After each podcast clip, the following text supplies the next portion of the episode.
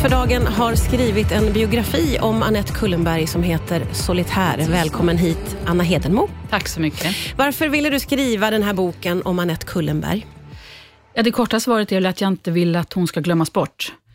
Eh, hon dog nu för två år sedan och eh, hon, hon, hennes sista tio år i offentligheten var hon på ett lite annat sätt. Lite, jag tror många uppfattar henne som lite knasig, gick över gränser, sådär, ibland kanske man skrattar åt henne, ibland skrattar man med henne. Men jag var intresserad av att berätta om hennes karriär från faktiskt 60-talet och framåt till millennieskiftet ungefär. Där hon byggde upp en fantastisk karriär. Alltså född på 30-talet, det var inte givet för en kvinna, speciellt inte eftersom hon var ensamstående mamma. Mm. Så hon, hur hon blev eh, den, en stark, väldigt stark offentlig liksom röst i, i offentliga Sverige och faktiskt hade Sveriges vassaste penna. Hon var tidig med ironi, hon var skitrolig, slagfärdig, supersmart, briljant. Skrev um, en bok om klassamhället i Sverige, överklassen i Sverige, som chockade människor på 70-talet. Att va, finns det fortfarande överklass här? Sen drev hon också faktiskt en liten metoo-rörelse på, på Aftonbladet på 70-talet. Mm. Ja, jag skulle kunna hålla på så länge, men det var ett svar.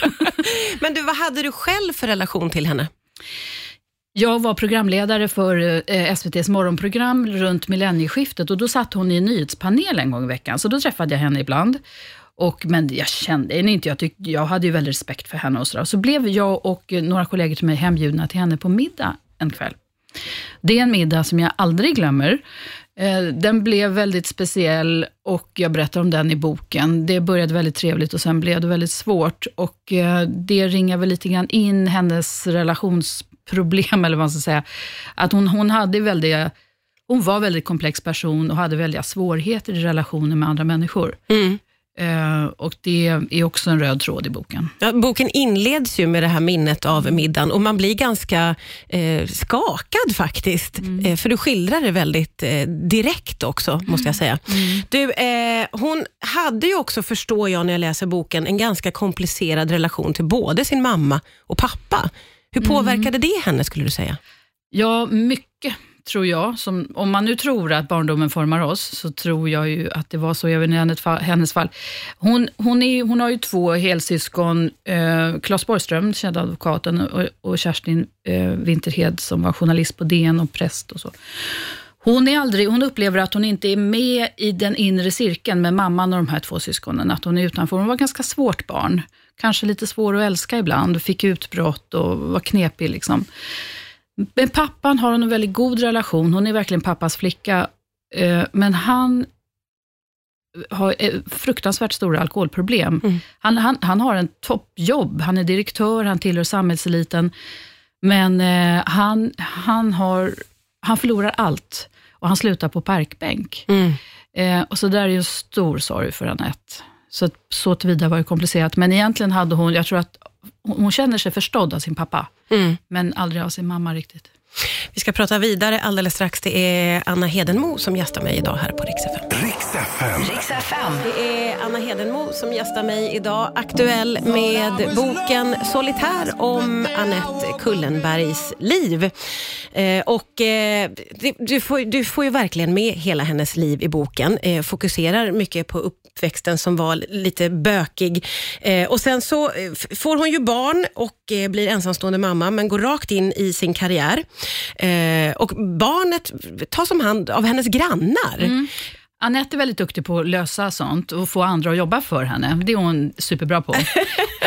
Sen, hon sliter ju, alltså vi, hon, hon, hon lever ju som en man, alltså för att få, den tiden, det här är 60-tal, att få den här karriären och flyta när man är ensamstående mamma, då måste man vara väldigt handlingskraftig och bara lösa situationer. Och det gör hon. Ja, det gör hon.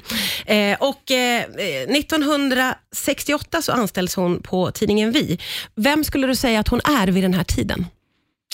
När hon kommer till Vi, då har hon varit på Veckojournalen tidigare och där ansetts som, Veckojournalen var lite mer höger och Vi var lite mer vänster om man är lite grov. Mm. Och eh, Veckojournalen, där var hon sedd som en societetsreporter. Hon gjorde lite kändisjobb och, hon, hon, och sen så den här stilen som hon alltid har då med klackarna och, och läppstiftet och så. Och det här är alltså en tid när kvinnor i allmänhet klär ner sig för att bli tagna på allvar. Mm, Slut på mm. 60, början på 70-talet. Eh, så att de kommer till Vi, då tittar de på henne så här, va? För Vi var ju kooperationens tidning och man skildrade Vietnamkriget och avfolkningsbygder i Norrland. Och så. De tänker att de försöker protestera, personalen då, mot den här rekryteringen. De ville men, ha någon slags omröstning till och med om ja, huruvida hon skulle få vara där ja, eller inte. Ja, visst, men då säger chefredaktören att nej, nej, mycket kan, kan ni bestämma, men här går gränsen.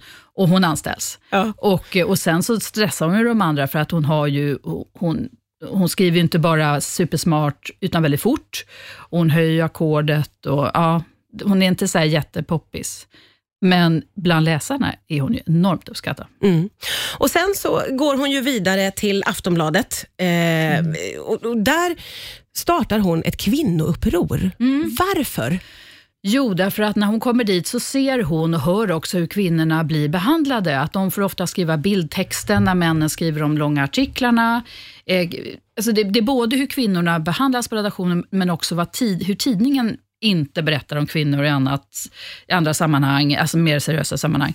Så det där, hon samlar kvinnorna till tjejmöten och säger att nu ska vi skriva ner. Jag vill ha era berättelser. Vi ska samla era berättelser. Och det kan vara anonymt, men nu ska ni skriva ner och så gör alla det nästan alla. Ja. Och, eh, och Det där häftas ihop och trycks och sen en morgon så delas de där häftena ut till varenda arbetsplats på Aftonbladet. Varenda redaktionsmedlem får ett sånt häfte och sen sprider de det i andra medier också. Så det blir en stor debatt. Mm. Eh, och ja, Det leder till att, det, att kvinnorna på Aftonbladet får eh, några egna kvinnosidor. Det där blir också debatt om, vad då ska det vara ett reservat för kvinnor och kan männen fortsätta hålla på? Då säger han att nej, det här är inte slutmålet, men det här nöjer vi oss med nu. Ja. Och sen fortsätter man. Och sen, sen jag menar, resten är historia. Men eh, hon, hon, är otroligt målmedveten och stark där. Ja. Och, och, och sen är det så att hon själv känner sig aldrig förtryckt av en man, inte av någon. Nej. Man sätter sig inte på henne kommer också från överklassen ja. och är van att eh, styra sitt eget liv och ingen av sätter sig på mig, kan hon säga. Sådär. Så att hon tycker om att käfta med de där snubbarna på Aftonbladet, som är ofta ganska lågutbildade och kommer från en landsortstidning och jobbat sig upp som praktikant och sådär. Ja. Så, eh, eller lärling heter det väl då. Eh, så, så hon, hon gafflar med dem och garvar med dem, men en del andra kvinnor blir illa behandlade av Och hon männen. ser andra hon och andra situation då. Verkligen. Uppenbarligen. Mm. Vi pratar vidare alldeles strax här på Rix FM. Rix FM. Ja, det är Anna Hedenmo som gästar idag. Hon är aktuell med boken Solitär, en en biografi är det om Annette Kullenberg. Och som vi sa, eh, du inleder ju boken med att beskriva en middag som du själv var på tillsammans med journalistkollegor hemma hos Annette. Eh, och under den middagen så, så säger hon till er att det viktigaste hon har gjort är utlandsreportagen. Eh, varför var de så viktiga för Annette? Ja, eh, precis. Hon är ju väldigt stolt över sin tid som korrespondent, dels i Latinamerika och dels i Barcelona. Jag tror att det där grundar sig i att hon läste Bang, Barbro Alving, eh, i, som, som barn i pappas tidning. Och Hon blev väldigt fascinerad av henne och beundrade henne. Och Hon var ju något så ovanligt som en kvinna som var utrikeskorrespondent ja. under andra världskriget. Och eh, Annette, när Annette sen kommer till Veckojournalen, då är ju Bang där under hennes liksom, sista aktiva år. Och Annette är ju, det är ju hennes idol. Mm. Och hon söker upp henne och kommer fram till henne och säger att, gud, men, men Bang ser inte henne. Bang var ju androgyn och betydligt äldre, var en helt annan kvinnotyp, ah, till ah. det yttre framförallt. Och Annette trippade runt på sina klackar där. Och Bang tycker, vad är det där? Hon bryr sig inte om henne. Och, och Annette blir väldigt sårad över det. Men det är hennes idol. Jaha. Så där har vi nog den här kopplingen till utlandsjobben. Men sen, det var det som blev det viktiga för henne? Ja, precis. Och sen förstår ju hon väldigt snabbt att okej, okay, på tidningarna, de som har de bästa jobben, de är korrespondenter. Mm. Det, är, det är det coolaste. Mm. Så att eh, dit, dit, skulle hon ju då. Och, och också så hade hon ju stort intresse, hon var liksom språkkunnig och så. Så hon, hon ville ju naturligtvis ut. Och Aftonbladet hade inte tänkt att ha någon, någon utsänd i eh, Buenos Aires.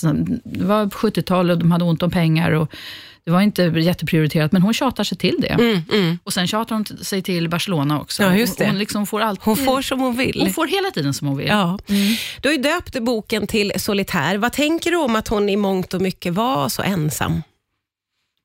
Att det är helt naturligt, för hon var så svår. Det, det, man blir ensam om man är så som hon var. Mm. Det var hon... Så det var liksom valt, tänker du? eller? Vet inte. Eh, ja jag tror också hon har en karaktär som inte går ihop med andra människor så bra, eh, annat än för stunden. Mm. Eh, hon, är, hon, hon, har, hon har ju dålig impulskontroll, hon, hon har också det här draget att hon stannar inte upp, hon backar inte, hon undrar inte vad var det som hände, kan vi prata ut? Det händer inte. Nej. Utan hon skakar av sig, det blir tjafsigt och bråkigt, men det blir nästan jämnt. Liksom, och så mm. går hon vidare. Mm. Eh, och, så då blir man ju ensam. Ja. Men jag tror också att hon delvis trides med sin ensamhet. Eh, jag tror hon... Ja, det var liksom nästan aldrig harmoniskt med andra. Nej, just det. Alltså det finns i och för sig tillfällen. Hon har ju några förhållanden, ett förhållande med en chilensk man som är harmoniskt under faktiskt ganska lång tid. Alla är väldigt förvånade, men det håller inte hela vägen, men det behöver det inte göra för att vara bra. Eh, och Sen så har hon också en ehm, god relation till och från med sina barn, men hon, är ju, hon, hon träffar sina barn väldigt lite. Mm, mm. Så hon bygger egentligen inte upp så stark relation med dem under uppväxten.